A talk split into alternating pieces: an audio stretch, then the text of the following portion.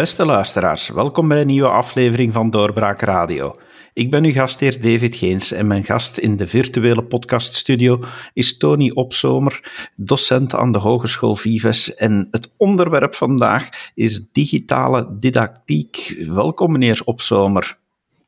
Goedemiddag, meneer Geens. Ik ben blij dat ik iets mag komen vertellen rond onze opleiding die we vanaf volgend jaar willen starten rond eh, digitale didactiek. Ja, digitale didactiek. Eigenlijk is het nu gewoonweg helemaal in de kijker geslopen. De coronacrisis heeft het onderwijs grondig door elkaar geschud. Uh, er is heel veel digitale hulp, er zijn veel digitale hulpmiddelen bij te pas gekomen.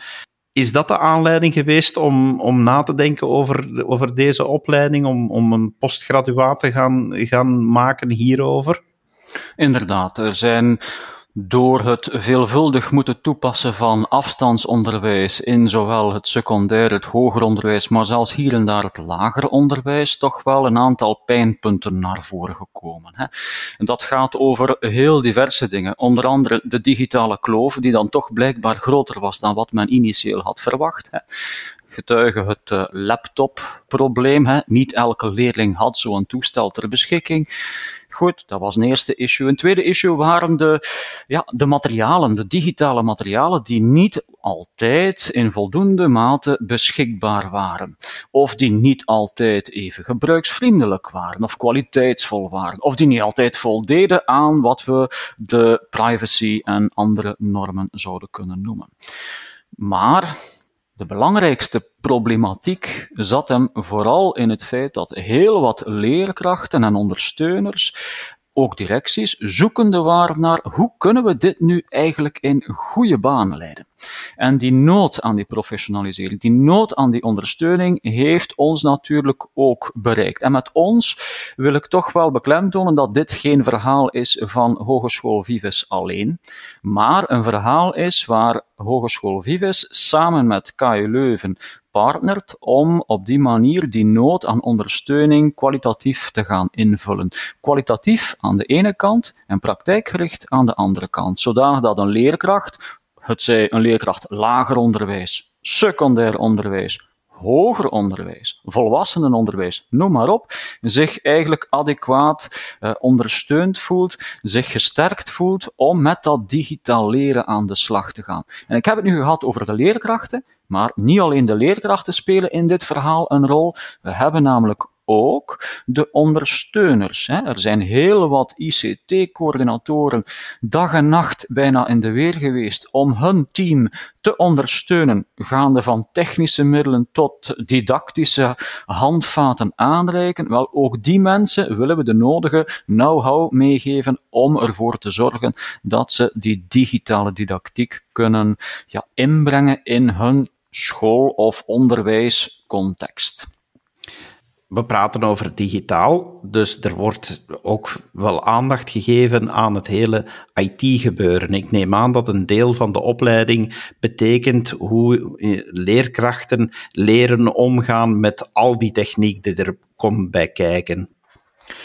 De opleiding is geen technische opleiding. Uit wat bestaat de opleiding dan, vraag je je misschien af.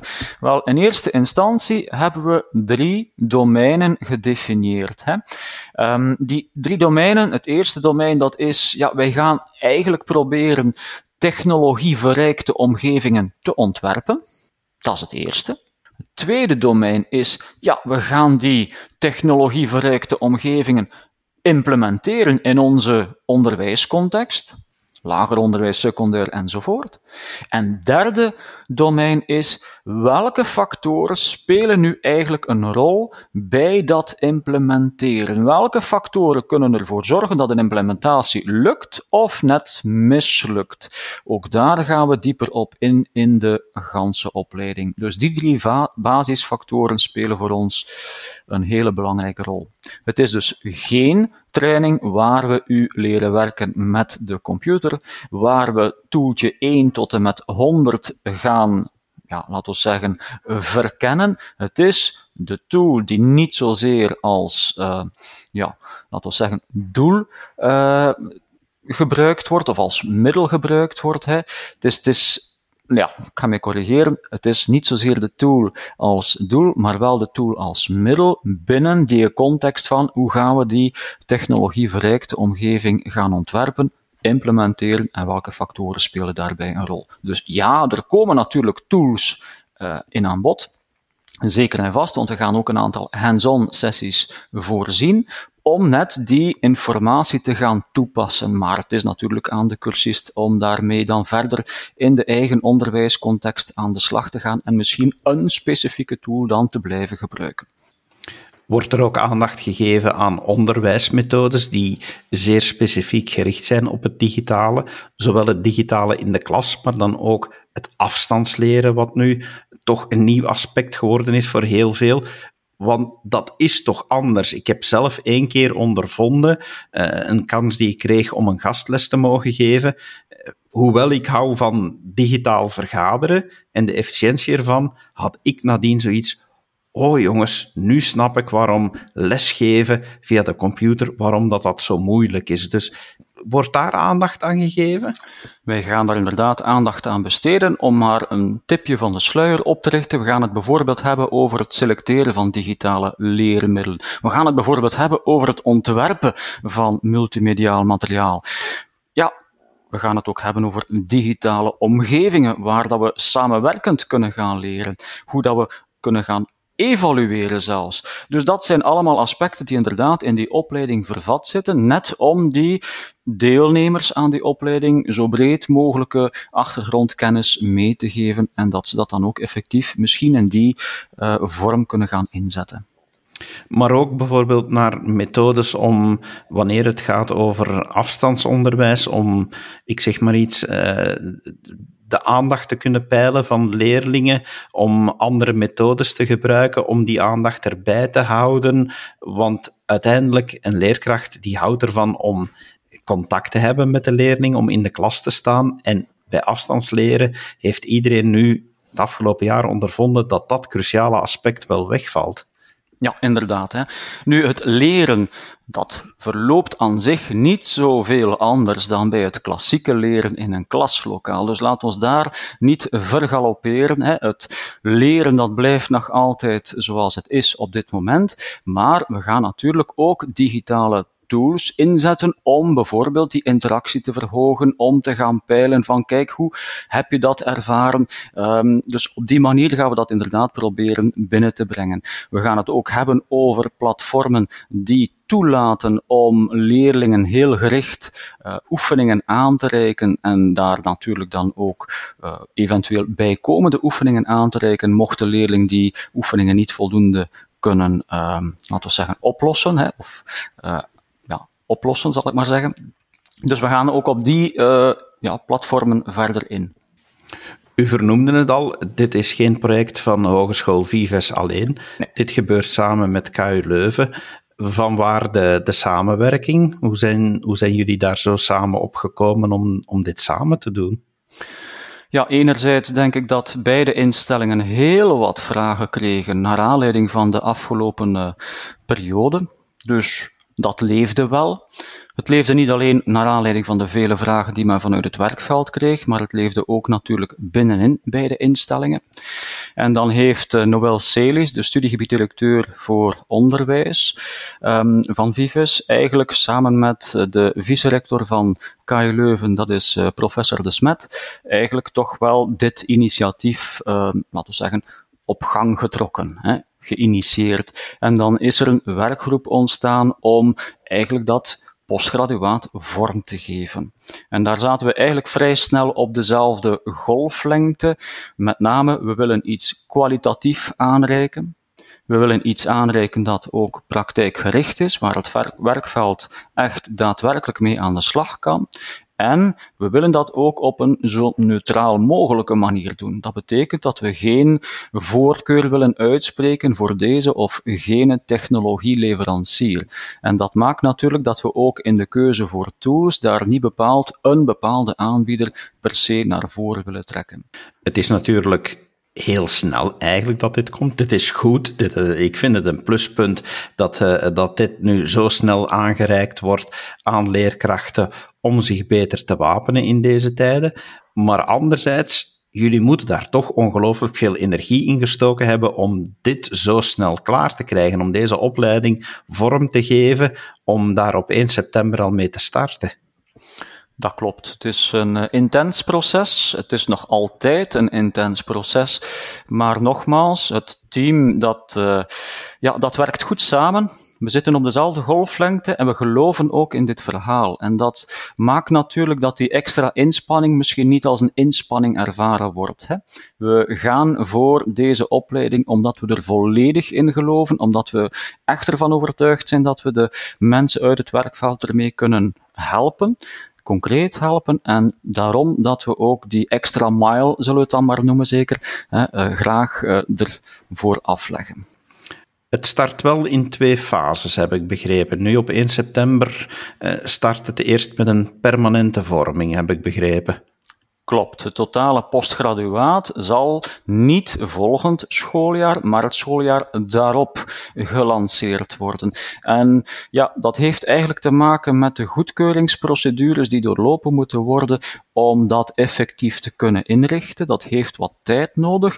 En om te vermijden dat we het werkveld moeten vertellen van ja, je moet nog maar eventjes een jaar wachten, hebben we eigenlijk snel beslist om zo'n PVG, een permanente vorming met getuigschrift in te voeren, dat eigenlijk uit een voorafname zal bestaan van dat postgraduaat ter waarde van een viertal studiepunten. En waarin natuurlijk die drie componenten die ik daarnet had vernoemd, hè, we gaan ontwerpen, we gaan implementeren en we gaan kijken naar de factoren die die implementatie beïnvloeden, natuurlijk reeds in aan bod komen. Dus die voorafname, dat PVG, dat gaat volgend jaar al van start en het jaar daarop zal het volledige postgraduaat uitgerold worden en daarin zullen de deelnemers die al in het PVG hebben geparticipeerd, natuurlijk die onderdelen niet nog eens moeten volgen. Ze worden daarvoor vrijgesteld op dat moment. Is dat dan een fulltime opleiding? Ben je daar een volledig jaar mee bezig? De opleiding is inderdaad verspreid over een gans jaar. Hè.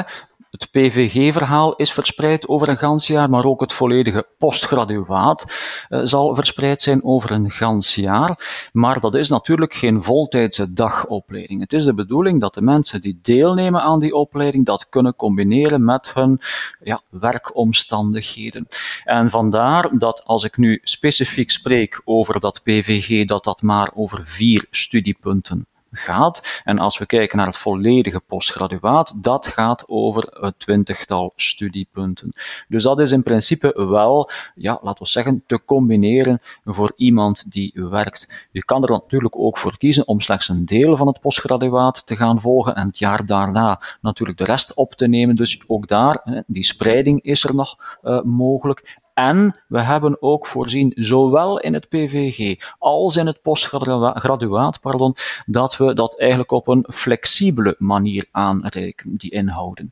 Dus dat betekent dat niet alle lessen in een klassiek leslokaal zullen plaatsvinden, maar dat er dus ook natuurlijk een aantal ja, leerpaden doorlopen zullen moeten worden, uh, dat er misschien een aantal sessies online zullen plaatsvinden, synchroon dan online vinden, uh, plaatsvinden, en een aantal andere sessies zullen misschien inderdaad wel in een leslokaal plaatsvinden, net om die flexibiliteit naar de cursist toe te maximaliseren.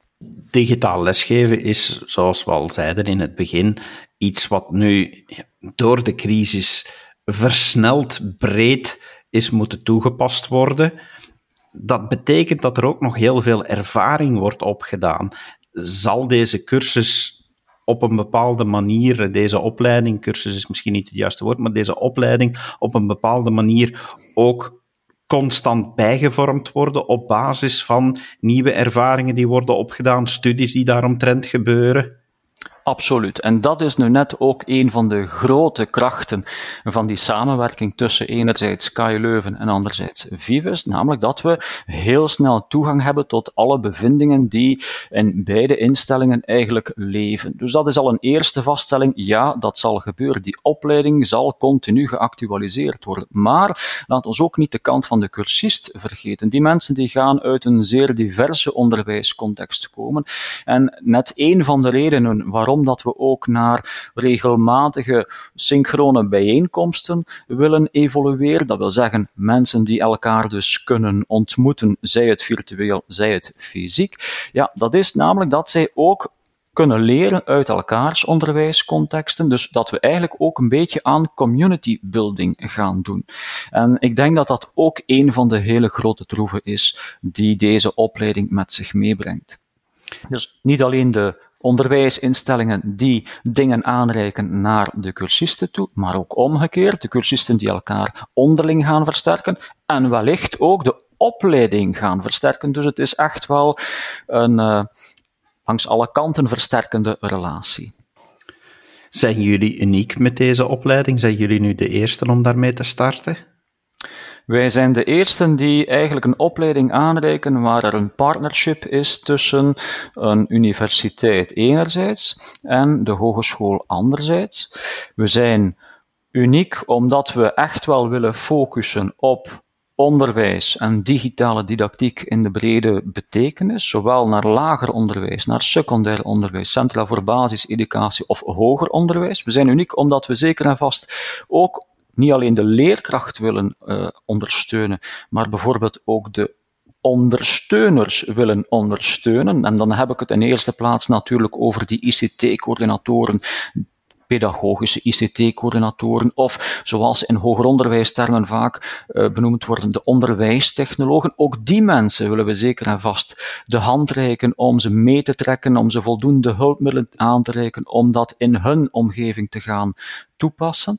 Uh, maar dat neemt niet weg dat er inderdaad nog andere instellingen zijn die gelijkaardige initiatieven aan het ontwikkelen zijn en die wellicht ofwel een deel van dit segment dat ik net heb benoemd gaan willen bedienen, of misschien een andere invalshoek zullen kiezen, maar dat heb ik op dit moment niet duidelijk in het vizier. Er zijn een aantal initiatieven die reeds bekend zijn, maar de details ervan die hebben we nog niet kunnen terugvinden. Een laatste vraag uh, die, die door mijn hoofd speelt, is eigenlijk dat er vaak wordt gezegd dat onderwijs en het werkveld, de, de, de industrie, de ondernemers, dat die, dat die vaak te vaak naast elkaar leven. Uh, hier komt natuurlijk een heel stuk technologie bij kijken. De technologische sector is een sector waar snel veel verandert gaat er dan ook uh, gekeken worden om een goede samenwerking te hebben tussen onderwijs enerzijds en die technologische sector anderzijds, zodanig dat er snel kan ingespeeld worden op die snelle veranderingen?